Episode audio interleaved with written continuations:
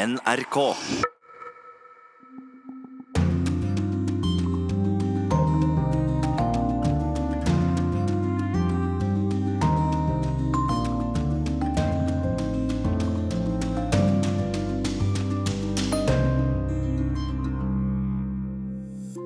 IS-krigere hales for retten i Syria og dømmes til lange fengselsstraffer.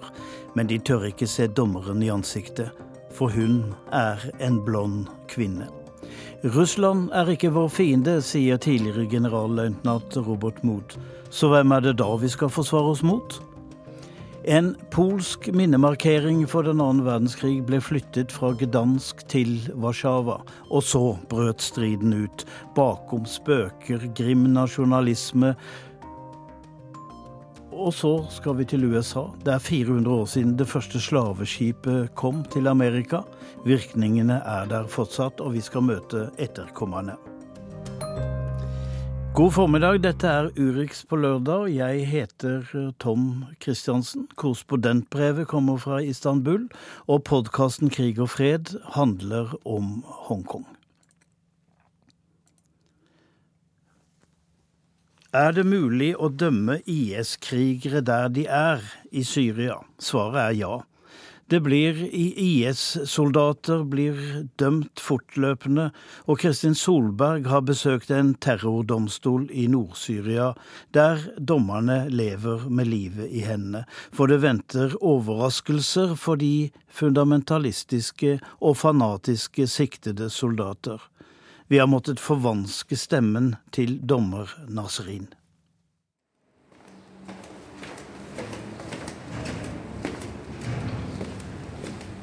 Dommer Nasrin går med bestemte skritt gjennom korridoren. Det blonde håret hennes rekker ned til midjen, hun har leppestift og høye hæler, og hun åpner døren til et lite rom. Innenfor står det en pult, og vendt mot pulten, midt i rommet, står en tom stol. Det ser ut som et helt vanlig kontor, men det er langt fra det dette er. Dette er terrordomstolen i Kamishli i Nord-Syria. Bak pulten pleier det å sitte tre dommere, og noen meter unna, på stolen som nå er tom, sitter den tiltalte IS-krigeren.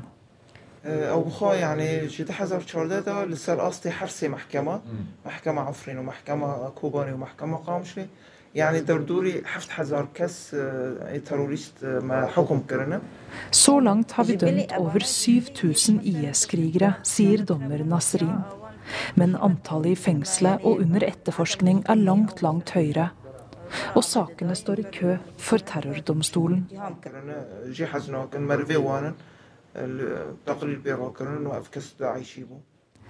Nasrin er ikke hennes egentlige navn. Hun har bedt om å bli anonymisert og at stemmen hennes forvrenges, for hun er redd for represalier fra IS. Allerede er det kommet trusler. Familiemedlemmer er blitt pågrepet og torturert. Hun er ikke i tvil om at jihadistene leter etter henne.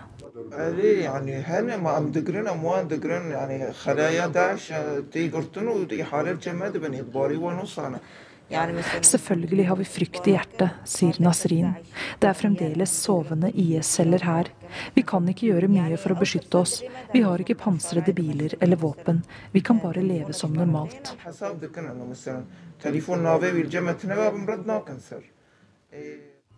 Dommeren går bort til pulten, åpner en folder og ser gjennom papirene til den neste tiltalte.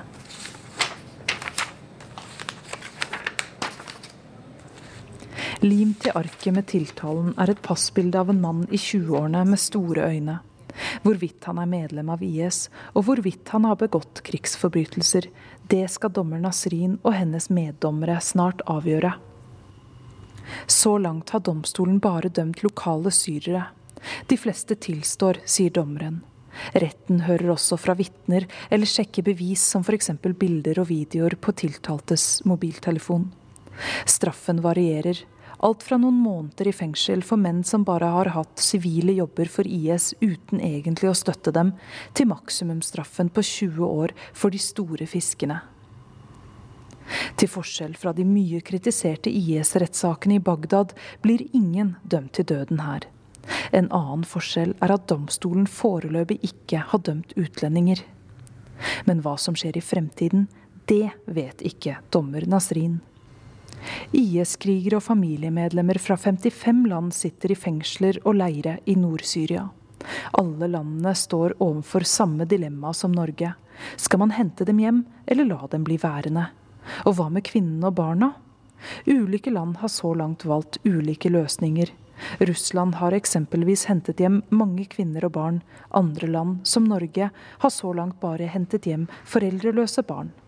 De fleste land sitter på gjerdet, venter og lar sine borgere bli værende enn så lenge. Noen land har til og med fratatt dem statsborgerskapet.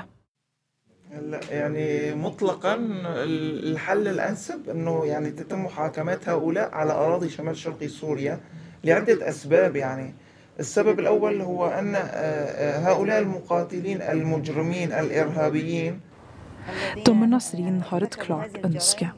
Hun vil ha en internasjonal domstol opprettet her i Nord-Syria for alle de utenlandske IS-medlemmene. Det er flere grunner til det, sier hun. For det første er de tiltalte allerede her i Syria. For det andre er også vitnene og bevisene her. Og for det tredje er det her i Syria at ofrene er. Ofre som vil se at rettferden skjer. Men så langt er det liten respons fra verdenssamfunnet til ideen om en internasjonal domstol. I det store og det hele er det liten appetitt for å løse problemet. Så langt er det utelukkende menn hun dømmer, for her i Nord-Syria finnes ingen kvinnefengsler. De IS-tiltalte mennene sitter bare noen meter fra henne i retten. Hun sier de som oftest ser ned, uvillige til å se på en kvinne som sitter der uten hijab, med langt, blondt hår. Se på meg, sier hun, og hvis de ikke følger ordre, roper hun det samme. Se på meg. En av hennes kolleger spøker med at IS-krigerne, som jo tror på et paradis med 72 jomfruer, må tro at de skimter en liten bit av himmelen når de først ser opp.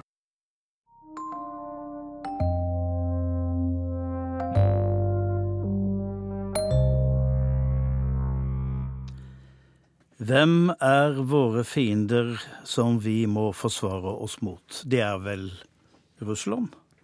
Nei, sa tidligere generalløytnant Robert Mood under et arrangement i Kulturkirken Jakob nylig. Mood er til daglig president i Norges Røde Kors, og han er her for å forklare. Velkommen, eh, Mood. Takk for det. Alt en nordmann har vokst opp med, er at det er Russland som er fienden. Og du sier at nei, det er det ikke. Nei, det, hvis, vi til, hvis, vi går til, ordboka, så er jo fiende det er uh, uvenn, eller det er en som vil ødelegge oss. Og hvis vi ser på naboskapet Norge-Russland, så er det veldig veldig vanskelig å finne at Russland på noe tidspunkt har vært en uvenn. Vi kan gå helt tilbake til vikingene.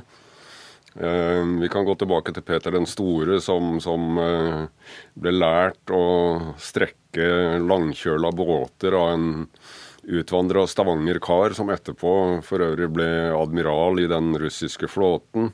Eh, vi kan gå til 1814, hvor Russland var faktisk en viktig spiller i forhold til Norges selvstendighet den gangen. Vi kan gå til 1905, hvor Russland anerkjente Norge. Vi kan gå til Nansen og Nansen-hjelpen motsatt vei. Vi kan gå til at Russland vel, så vidt jeg vet, var de første som anerkjente Svalbardtraktaten eh, tidlig på 1920-tallet.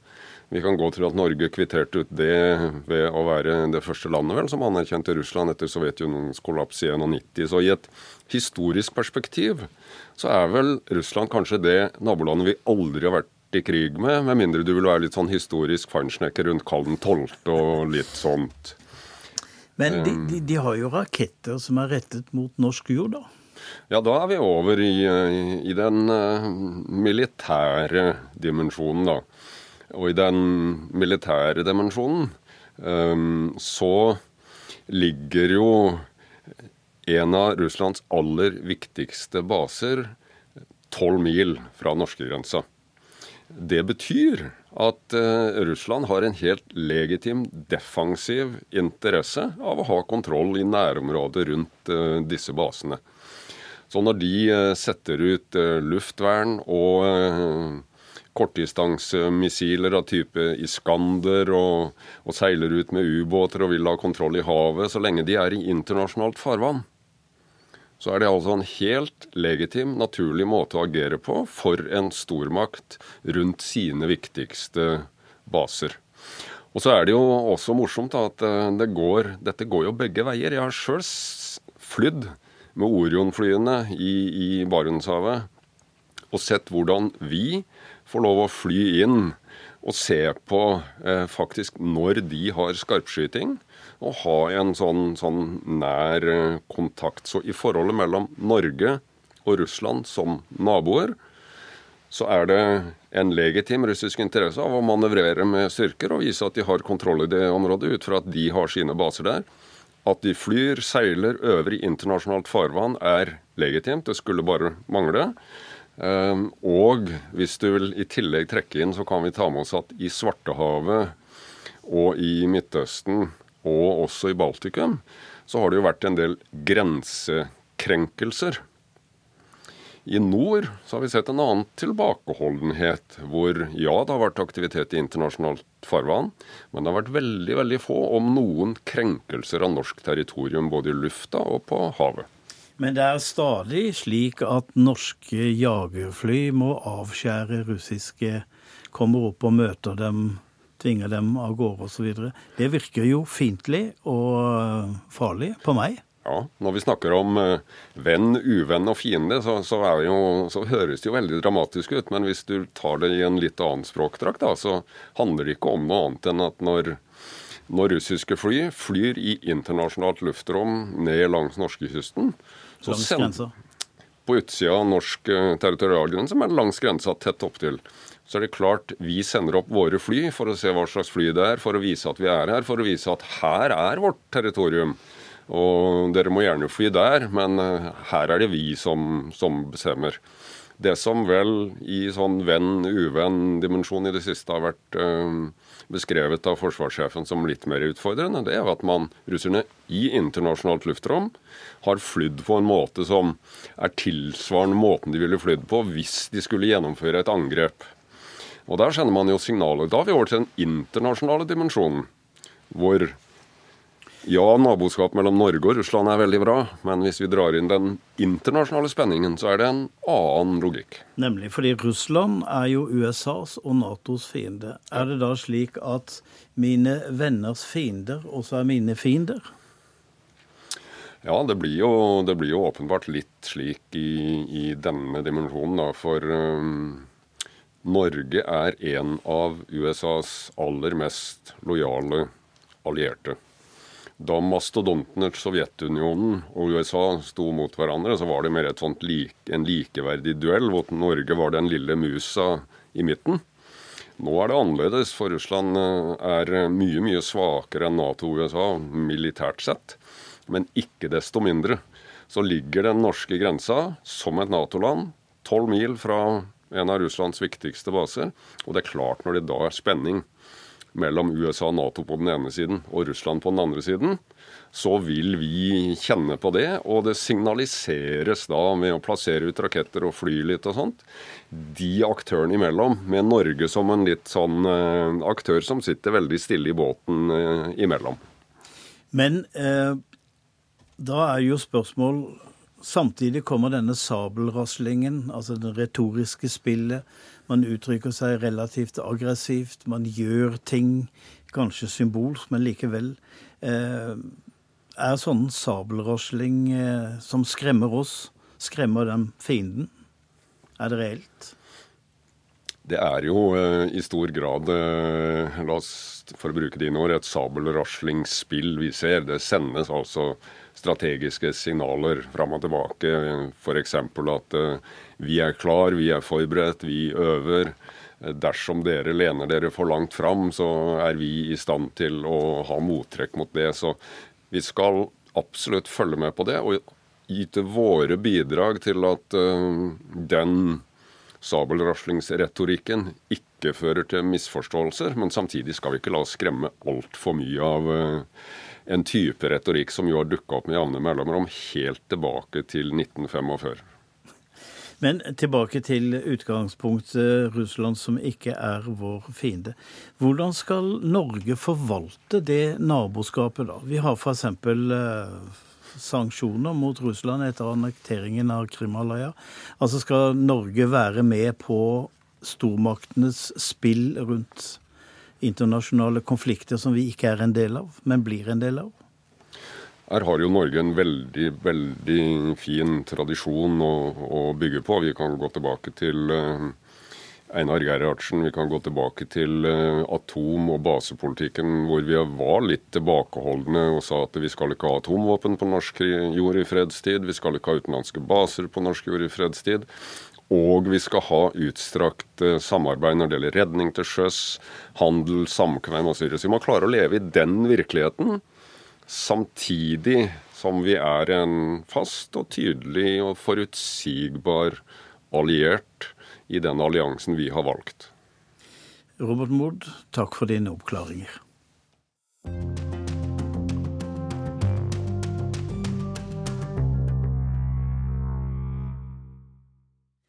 I morgen er det 80 år siden Polen ble invadert av Nazi-Tyskland. Det skjedde i havnebyen Gdansk.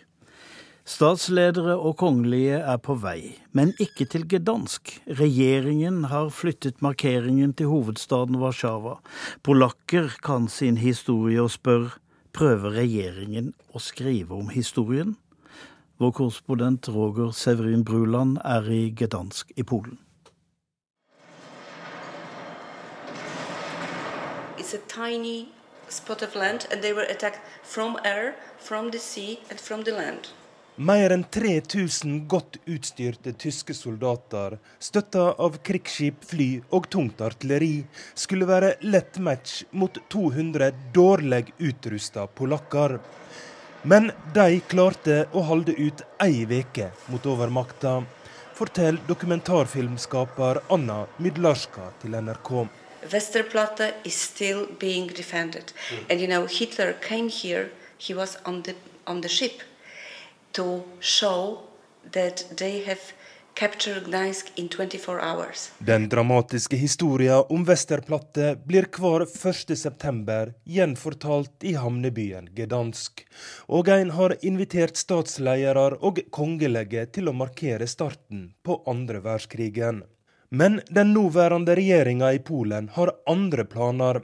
De har uten varsel flytta seremonien til hovedstaden Warszawa. Og de fokuserer på ei anna historie under andre verdenskrigen. Flyangrepet på byen Vilund på grensa til Tyskland. Midlarska forteller til NRK at regjeringa forsøker å flytte fokus vekk fra Gdansk, som er høyborga til opposisjonen. Det er her EU-topp Donald Tusk kommer fra, og det er her fredsprisvinner Lech Walesa har kontor. Vi møter Lech Walesa på Solidaritetssenteret i Gdansk. Han er uformelt kledd i ei T-skjorte der det står 'grunnlov' på polsk med store bokstaver over brystet.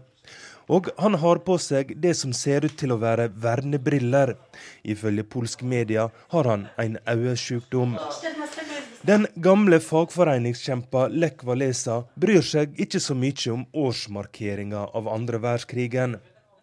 Han er mer opptatt av lederen for Lov- og rettvisepartiet, Jaroslav Kaczynski, som han mener er uskikka til å ha en toppjobb i polsk politikk.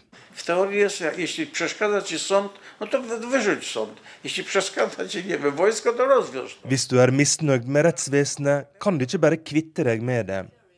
Om hæren ikke skulle være den rette, så kan du ikke bare oppløse den, sier Walesa og viser til at snart 40 polske generaler har fått sparken. Helde fram slik er vi på vei mot diktatur igjen, forteller Lech Walesa til NRK. Han oppfordrer alle i Polen til å nytte stemmeretten sin, for å få ei ny og mer demokratisk innstilt regjering. Where will this end? Blir vi ikke kvitt dette problemet gjennom valg, må vi igjen begynne å streike og demonstrere. Og Lech Walesa lover han skal gå fremst i demonstrasjonstoget. Donald Trump avlyste i siste øyeblikk sitt besøk til seremonien i Warszawa i helga. NRK spør Lech Walesa hva han syns om Donald Trump.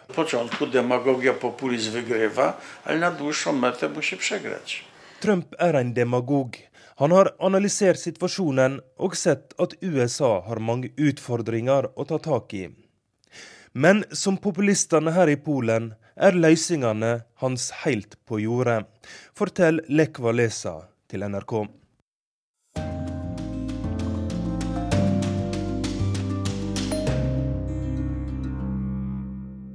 Det er 400 år siden det første slaveskipet fra Afrika kom til Amerika og losset sin last. Slavehandelen tok ikke slutt før 1865 under Abraham Lincoln, og det tok nye 100 år før diskrimineringen tok slutt på papiret. Helt til 70-tallet hadde USA preg av apartheid, med bl.a. separate busser for svarte og hvite. Veronica Westrin reiste til Hampton i Virginia for å møte slavenes etterkommere.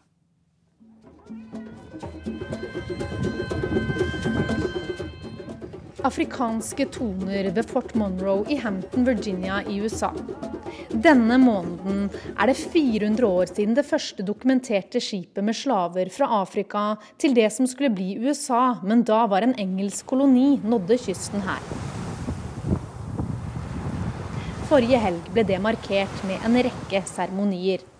Yeah, you're here with your kids today. That is correct. Why did you come Um, they need to know the historical significance of this place right here.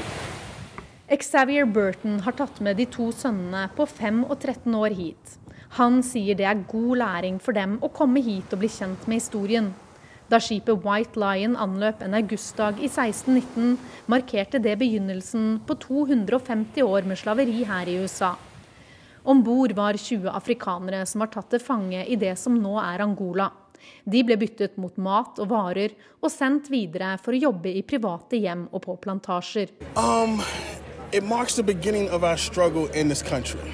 Um, this was the first place where they landed. How would you describe being an African American in the US today? It's tough. We have our good moments, we have our bad moments. Um, there are times where I feel like we are part of America, there are times I feel like we're not part of America. Burton sier det fortsatt er tøft å være afroamerikaner, fordi han tidvis føler han ikke er en del av USA. At man fortsatt ikke blir anerkjent som innbygger her. Um, so it's a duality, as W.E.B. Du Bois uh, described in Souls of Black Folks, that we deal with every day. Um, just trying to be a part of American society, but still not being recognized as, as a citizen. Rundt tre firedeler av svarte i USA svarer i en undersøkelse utført av Pew Research at de har opplevd diskriminering eller urettferdig behandling pga. sin rase eller etnisitet. Og mange av dem vi møter her, deler den erfaringen. Over the years, yes.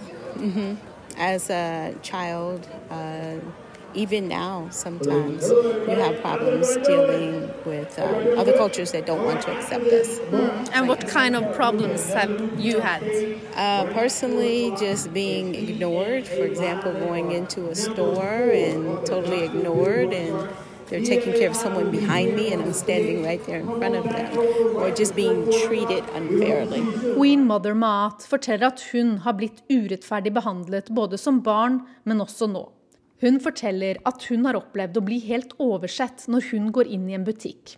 Og det er bl.a. derfor det er så viktig for mange å markere denne dagen. Og de er her for ikke å glemme brutaliteten og overgrepene som rammet millioner av slaver, og hedre deres minne. I see your T-shirt. Oh, yes. What, what does it say? It says my great grandfather was born into American slavery in 1856, and the back says Mange av dem som er her, er etterkommere av slaver, som Diedrich Brown. Hun forteller at tippoldefaren hennes ble født inn i slaveri, og så frigjort da han var barn. En historie hun har blitt fortalt gjennom hele sin barndom, og som fortsatt preger henne.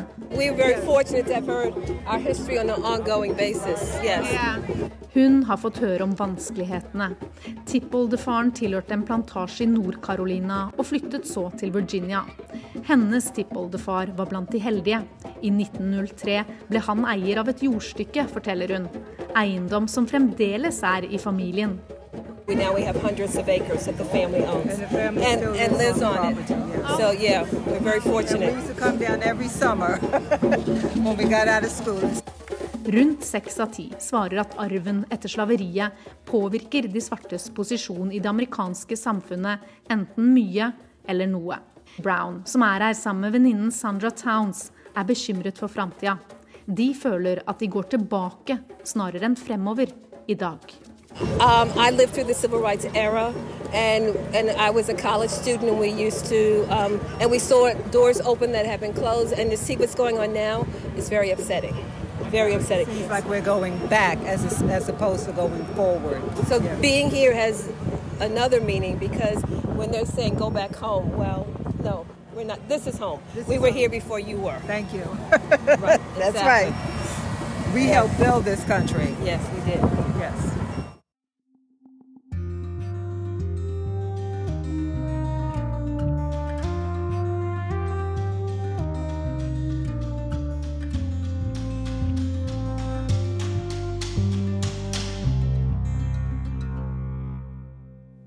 Da åpner vi lørdagens korrespondentbrev, som er sendt oss fra Istanbul. Og der har Cecil Wold blitt sjarmert av den folkelige tyrkiske opposisjonspolitikeren Ekrem Imalolu. Han vant omvalget og ble til slutt ordfører i Istanbul. Partiet hans har nå levert en ny strategi for politisk opptreden og den muslimske ordføreren har simpelthen stjålet en setning fra Jesus, elsk dine fiender. Da Ekrem Imamolo begynte valgkampen i Istanbul i sommer, sa han til partifellene. Når dere går hjem i kveld, ber jeg dere om å finne en nabo som ikke tenker som deg, eller som er fra et annet parti. Bare gi dem en klem. Valgmedarbeiderne ble muligens forbauset, for dette var helt nye toner fra Tyrkias største opposisjonsparti, CHP. For dette sekulære partiet, grunnlagt av landsfader Mustafa Kemal Atatürk, hadde i årevis vært sett på som elitistisk og nedlatende overfor andre. Men nå ville borgermesterkandidaten strekke ut hånden til dem partifellene hans hadde for vane å kalle uopplyste idioter. Imamolo ville nå dem på den andre siden, de konservative religiøse som følte seg forlatt og oversett av myndighetene. Partiets nye våpen var kjærlighet. Radikal kjærlighet. Radikal kjærlighet er å omfavne dem du ikke kjenner fra før, dem som provoserer deg, og dem du er sterkt uenig med. Men radikal kjærlighet er ingen lett jobb. Det er kanskje den vanskeligste av dem alle, sa CHPs valgkampstrateger. I verdensvevens tid finner folk sine likesinnede i ekkokammeret på nettet. I vår tid lytter mange mest til dem de er mest enige med. Andre blir til de andre, de med håpløse meninger, de som lar Gud styre livene deres, eller i verste fall de som truer oss. Noen radikaliseres, andre faller bare utenfor og blir frustrerte. Nettet gjør oss mer ensomme, mente valgkampstrategene, som skrev at nå bruker vi all tid på mobilene våre, dag og natt. Folk har sluttet å snakke sammen, selv når vi er sammen på kafeer og når vi sitter på bussen. Vi isolerer oss, blir mer deprimerte og begynner å se andre som fremmede og truende. Derfor må vi skru av mobilene våre og åpne opp hjertene for hverandre og begynne å snakke sammen igjen. Partifellene med Imamolo i spissen skulle ut og snakke personlig med så mange av Istanbuls 16 millioner innbyggere som mulig. Snart går vi til valg i Norge. Og det etter en valgkamp der et hett tema har vært forebygging av hat og bekymring for dem som faller utenfor. I USA forsøker demokratene å finne den kandidaten som kan slå Donald Trump i et splittet land, der så mange føler at de ikke blir tatt på alvor av myndighetene. Men hvordan bygge bro og vinne folks hjerter i en verden som er sintere og mer polarisert enn før? Det er verdt å se mot Tyrkia, for også det tyrkiske samfunnet er ulykkelig delt. De liberale, sekulære, som drikker vin og som elsker Vesten, skuler mot de konservative religiøse, de som heller går i moskeen enn på bar. En mur av bitterhet og mistro skiller de som elsker Erdogan, og de som hater ham. I vår beskyldte presidenten hele opposisjonspartiet CHP for å være terrorister. Igjen splittet han tyrkerne i de lojale og de illojale. De som tjener Tyrkia, og de som tjener Tyrkias fiender. Men vi er lei av å bekjempe hverandre. Vi insisterer på å omfavne hverandre, var Imamolos svar.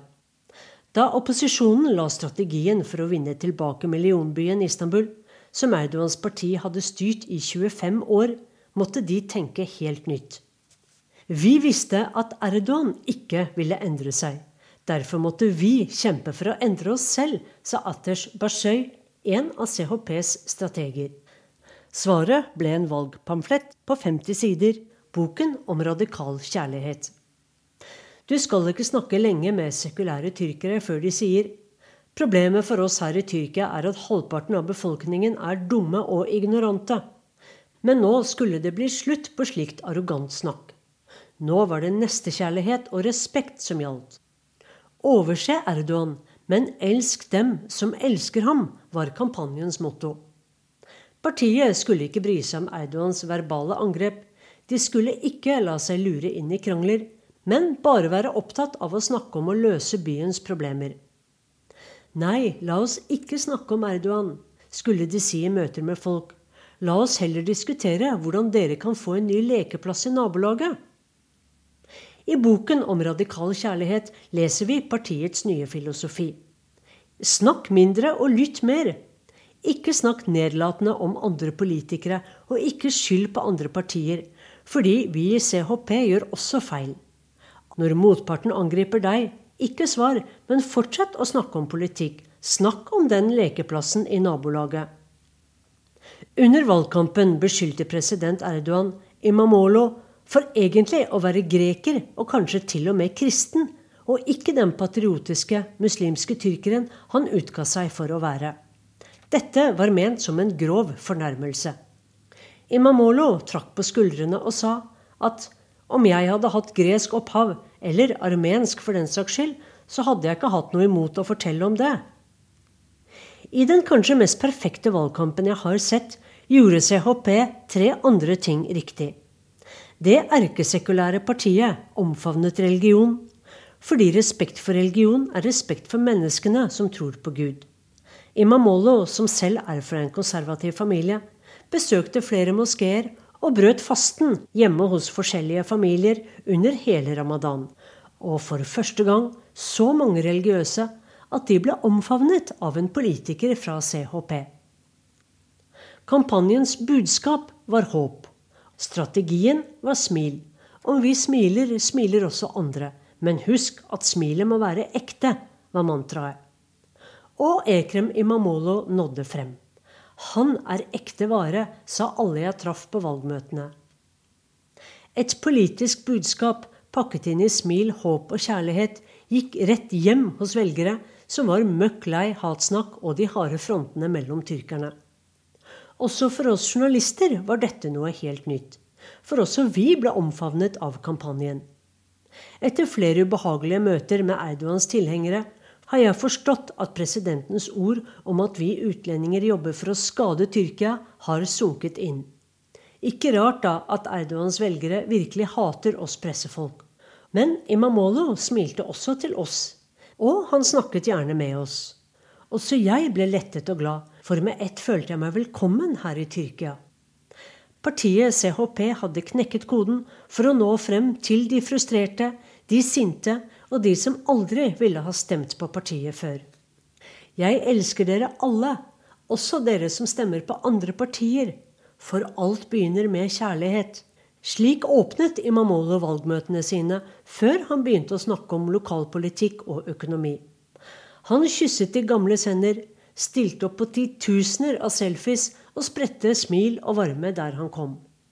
Med boken om radikal kjærlighet vant Ekrem Imamolo en historisk borgermesterseier i Istanbul.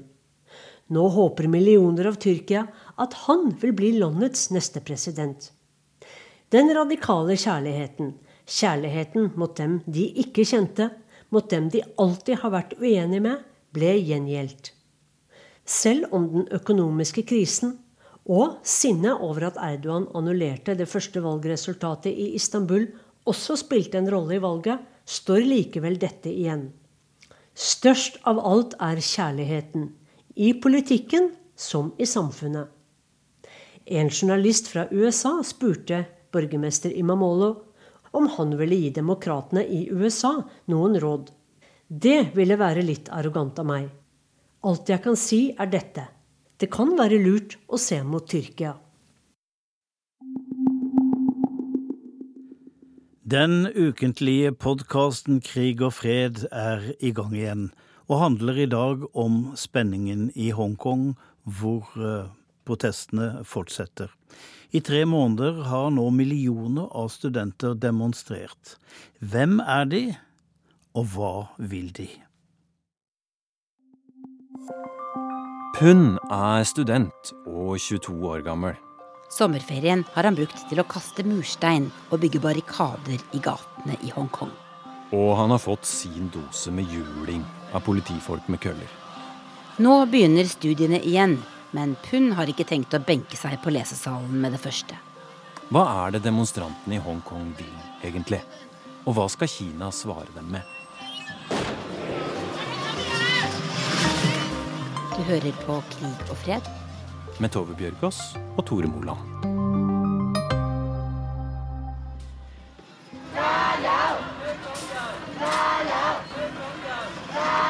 Hva er ditt inntrykk av demonstrantene i Hongkong, Kjersti?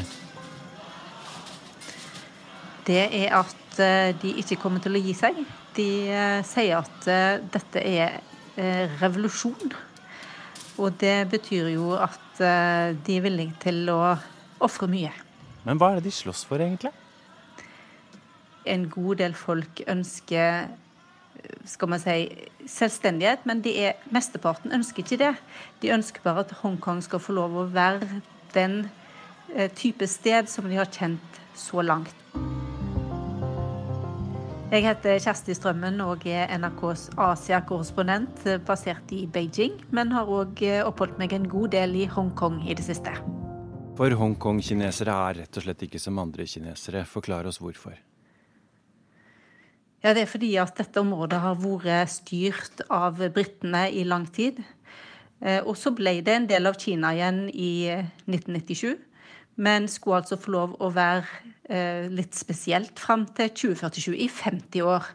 Og så er det den unge generasjonen nå, da, som uh, syns at eh, De er redde for at de skal bli vanlige kinesere. Og uh, man har mangel på ytringsfrihet. Og Kina har blitt et mye strengere regime etter at uh, Xi Jinping kom til makta. Og de er redde for at uh, det skal bli likt der. At Hongkong skal bli en vanlig kinesisk by, sier de. Og dette er såpass skremmende for dem at mange av de som jeg har snakka med, sier at de faktisk er villige til å bøte med livet for å sikre at Hongkong forblir den byen som de kjenner som sitt hjem.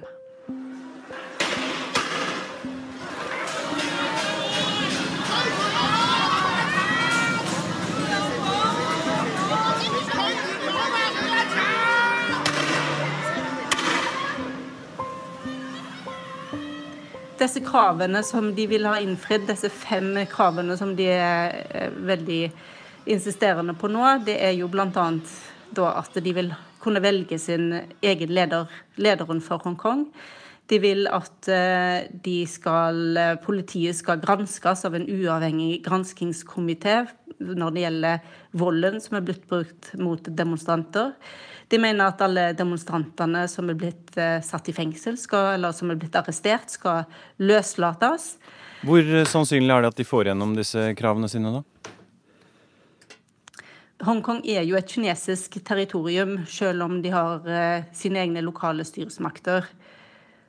Og I begynnelsen så, så vi at Kina satt ganske stille og mer ignorerte det som skjedde. Og så når det fortsatte, så skifta da Beijing taktikk, og så har man nå gått veldig hardt ut mot demonstrantene og kalt de for terrorister og kriminelle. Og så har de delt disse nyhetene med befolkningen i Kina. Og så mener nok òg ganske mange at det som skjer i Hongkong, er en slags eh, ja, det er farlig fordi at det skaper ustabilitet. Vi skal huske på at Kina er et enormt stort land, og det er vanskelig for oss i Norge å forstå hvor vanskelig det må være å manøvrere og styre et land på 1,4 milliarder mennesker. Og Den største frykten for Kina er jo at dette skal bre seg, det som skjer i Hongkong, til fastlandskina. Og Derfor så må man skape et narrativ om at disse folkene som eh, driver med disse demonstrasjonene, prøver å ødelegge. Og de er styrt av utenlandske krefter som ønsker å ødelegge for Kinas fremgang og Kinas stabilitet.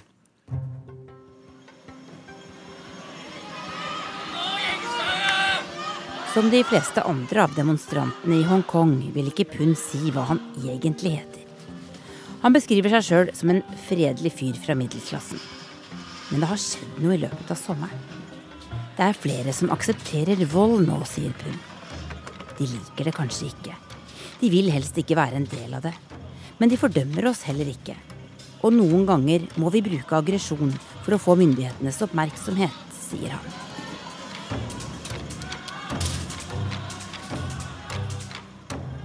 Um, den første stor demonstrasjonen startet i 9. juni. Og nå er det elleve uker eh, siden da, cirka. Jeg syns at det har blitt sterkere og sterkere. Men jeg tenker at folk har blitt mer slitne. Um, på grunn av at de har blitt skuffet mange ganger. Og de prøver på en måte å bruke forskjellige metoder um, og forskjellige kanaler til å si hva de vil til å få hva de vil. Jeg heter Jessica Kayichu. Eh, jeg er 30 år gammel i år. Jeg er født og vokst opp i Hongkong, og i 2013 flytta jeg til Oslo. Vi har um, egentlig akkurat uh, stiftet en organisasjon som heter Hongkong komité i Norge. Uh, det er en komité som jobber for kampen for grunnleggende menneskerettigheter i Hongkong. Hvis du skal forklare norske venner mm. hva det er som skjer i Hongkong nå, hva sier du da? Jeg sier at um, Hongkong er egentlig et land som hadde frihet og grunnleggende menneskerettigheter. Men siden Hongkong ble en del av Kina i 1997, disse grunnleggende menneskerettigheter har blitt erodert steg for steg. Um, og det er en veldig dårlig situasjon for Hongkong. Og den uh, viktigste kraften er at folk ønsker full demokrati nå. Um, dette var et krav egentlig de ønsket uh, i, tilbake til 2014 i paraplybevegelsen men de vil at det skjer nå. Hva betyr fullt demokrati i Hongkong? Det betyr at uh, folk i Hongkong kan nominere og stemme på sjefen for regjeringen, og samtidig gjelde for Stortinget i Hongkong. Eller like, uh, parlamentet i Hongkong.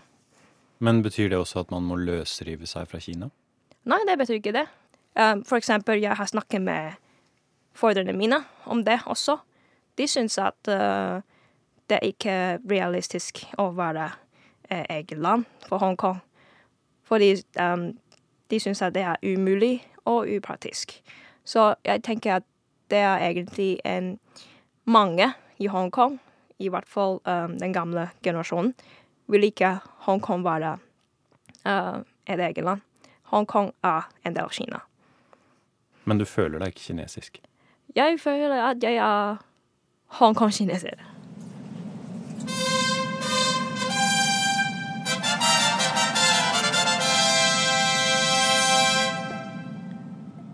Vi er tilbake i 1997. Året da studenten og demonstranten Pun ble født. Og året da Hongkong med pomp og prakt ble levert tilbake fra Storbritannia til Kina. Det britiske flagget fyrt ned, bretta sammen og båret bort. Det kinesiske flagget, rødt med fem gylne stjerner, ble heist i stedet. Men Hongkong skulle få ha sitt eget system helt fram til 2047. Og det virket så lenge til den gangen. Men nå er vi nesten halvveis, og 2047 er det året pund fyller 50. Hva husker du fra 1997, da? Jeg husker at den kvelden regnet mye. Um, men hele familien min uh, og tante og noen kusiner gikk ut og så på fyrverkeri. Jeg var åtte. Da skrev jeg egentlig en dagbok at um, Storbritannia og Kina har blitt uh, gode venner. Jeg forstår ikke hvorfor jeg skrev det, men uh, jeg tenker at det, var, det måtte være noe som var lykkelig, siden de hadde fyrverkeri. overskriften på alt dette er jo at Hongkong 1997 fikk en spesiell status gjennom den avtalen med Storbritannia. Og den statusen som en, en, kapitalistisk by i et kommunistisk land, ett land, to systemer-ordningen, det føler mange i Hongkong at hele tiden nå er under press fra et stadig mektigere Kina. Kinas problem er jo at de ikke har en identitet som kinesere. De har vokst opp med frie medier, med amerikanske TV-serier og med Netflix og internett og Facebook, og føler seg som verdensborgere og hongkongere, ikke som del av et fastlandskina totalitært styre. De er også en generasjon som vet at 2047, denne dagen eller tidspunktet hvor eh, avtalen eh, om å en, ha en spesiell status utløper, den vil komme midt i deres voksenliv. Så de ser jo en situasjon som er håpløs, uten noen klar løsning og uten noen ende. Og de har jo mål som også er litt uklare. De sier at de vil ha fullt demokrati. Noen vil også ha full løsrivelse fra Kina. Begge deler sannsynligvis totalt utopisk. Eh, Hongkong har jo ikke sin egen vannforsyning engang. De får 98% av maten de spiser fra fastlandet. De får strømmen fra fastlandet. Altså det er, det er alt i Hongkong er per i dag avhengig av fastlandskina. De er en del av Kina. Peter Svaar heter jeg. Har vært eh, korrespondent i Kina for NRK. Eh, en av de aller, aller første reisene, eller den første reisen jeg gjorde, var eh, til Hongkong med en gang jeg hadde fått pass i hånda etter landing i Beijing og litt papirmølle, og dro rett inn i paraplyopptøyene i høsten 2014. Kan du plassere det geografisk for oss? Altså, Hvor ligger det i forhold til Kina, og hvordan ser det ut der? Nei, de ligger jo eh, hva skal jeg si, ganske langt sør i, i Kina. I, eh, rett utenfor des, den kinesiske byen Shenzhen, som for 20 år siden var en sumpmyr, og nå er en by som vel tangerer eh, Hongkong i, i BNP omtrent. Bare for å illustrere, så er det jo nå så nært at du kan altså ta metroen fra Hongkong til fastlandet. Det er rundt 40 minutter, så er du på grensen, så kan du spasere over. Så det, det, er, det viser jo litt av hvor, hvor nært de er, da. Og så er dette et ekstremt uh, urbanisert område, sånn jeg forstår det. Det er det, og det er jo mange lag av den type problemer som også forklarer den misnøyen du ser nå.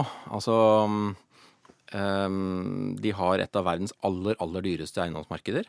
I Hongkong er jo stedet i verden hvor de har funnet opp De har egne butikker for sånn mikromøbler. Fordi mange av leilighetene folk har råd til å kjøpe, er på 80 kvadratmeter. Så da er du nødt til å ha kombinert seng, stuebord, oppvaskbenk og et par andre ting. Og realiteten for mange er at de bor i sånne offentlige sånne sosialboliger, kan du si. da, Communal housing, som det er nå 30-40 års venteliste på å få leilighet i. Og hvor man bor tre generasjoner på 40 kvadrat. Så besteforeldre, foreldre og barn på veldig trangbodde områder. Veldig trangbodde leiligheter.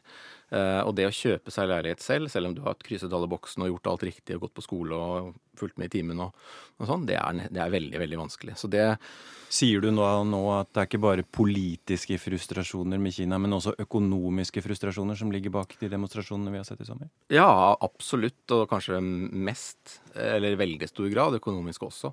Um, hvor uh, det er en veldig skjevfordeling i Hongkong mellom de som har og de som ikke har. Og de som har, og eliten i Hongkong, har alltid vært veldig pro Beijing. Derfor så er det nok eh, mange unge i Hongkong som da ser dette som en, en elite som har alliert seg med fastlandet, som har bukta og begge endene. Som gjør livet deres eh, ganske vanskelig på mange områder. Og det er tøft å være ungdom i Hongkong i dag. Både med arbeidsmarkedet og med å skaffe seg et sted å bo. Det er eh, på alle måter Vi vet ikke hva press er. Det er et ordentlig tøft sted å bo.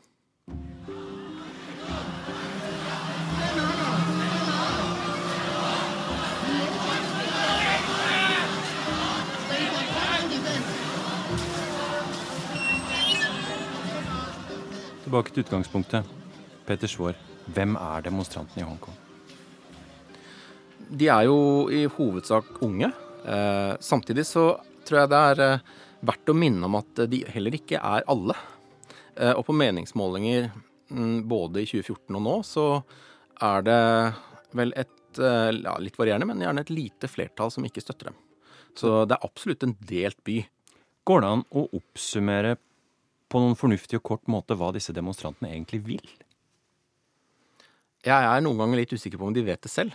Eh, men det er klart det de sier de vil, er eh, å få fullt demokrati. Og jeg tror at for en del av dem så ser de fullt demokrati som et steg på veien til, til um, autonomi og selvstyre, uavhengig fra Kina. Fordi hvis du får selvstyre og demokrati, så er det klart at i neste steg da, så kan, kan du få inn en leder som vil ta til orde for å kutte båndene enda mer med Beijing.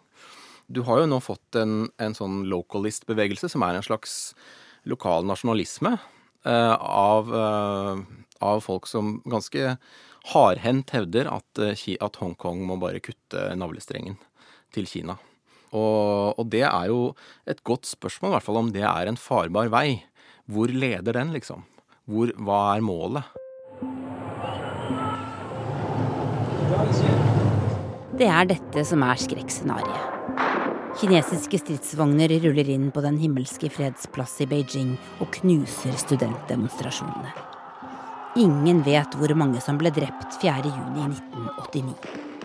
Om det var flere hundre, eller kanskje mange tusen. Spørsmålet er om det samme kan skje igjen i Hongkong 30 år etterpå.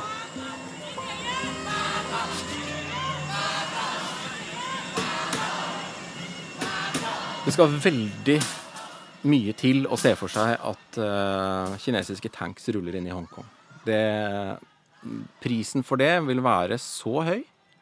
Husk at uh, det som skjedde på Tiananmen for 30 år siden, det er fortsatt det største åpne såret i eh, kinesisk eh, politikk og tankesett. Det er et traume. Det er fortsatt sensurert. Det er tabu å snakke om. Alle vet jo at det skjedde. Men å gjenta det 30 eh, år etterpå i Hongkong, det Ja, det vil ha så stor kostnad. Og i tillegg, hva kommer etterpå? Altså, hva er steg trinn to etter at tanksene og soldatene har rullet inn i Hongkong, hva skal du gjøre da? Da er, eneste, da er jo Hongkong ferdig. Da, er, da har du bare innlemmet Hongkong i fastlandet. Ferdig. Da Hongkong blir en vanlig by i Kina? Da blir Hongkong en vanlig by i Kina. Og da taper du Hongkong som et eh, fristed for shipping, som en kapitalistisk by i eh, Kina. Og den funksjonen er verdt noe for Beijing. Altså, den ønsker de å bevare. Og går du inn med militærmakt, så er alt Da har du brent det. Da er det ødelagt. Så um, derfor er det vanskelig nå, i hvert fall, å se det for seg, selv om de har truet med det, uh, hatt disse oppstillingene på grensen og sånn. Men at de faktisk gjør det, det ville overraske veldig om det skjedde.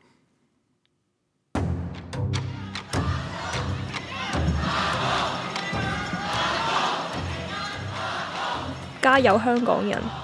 Det betyr å heie hongkongere. At det betyr at vi må ikke gi opp. og Vi må ha tro på det og bare kjempe for det. Jeg tror det er liksom et uh, uttrykk som gir oss støtte gjennom bevegelsen. Hvordan sier du det? 加油香港人. Kjersti Strømmen, du har vært eh, tre ganger i Hongkong i løpet av sommeren for å dekke demonstrasjonene. Hva, hva sitter sterkest igjen for deg?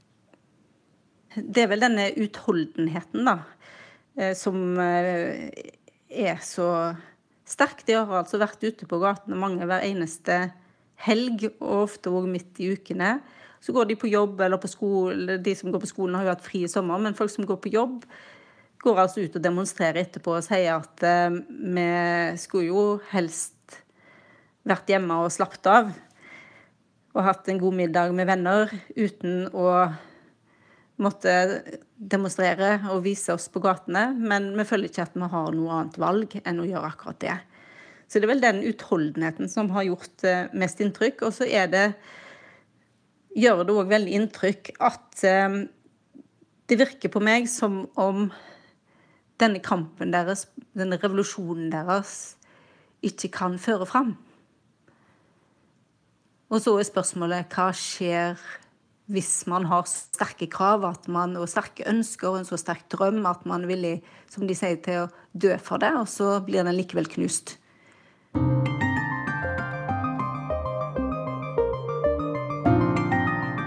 Du har hørt Krig og fred, en podkast fra NRK Urix.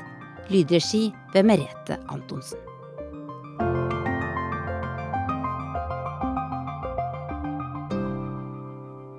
Det var det vi hadde i Urix på lørdag. Teknisk ansvarlig Lisbeth Sellereite. Produsent Marte Halsør. Og jeg heter Tom Kristiansen.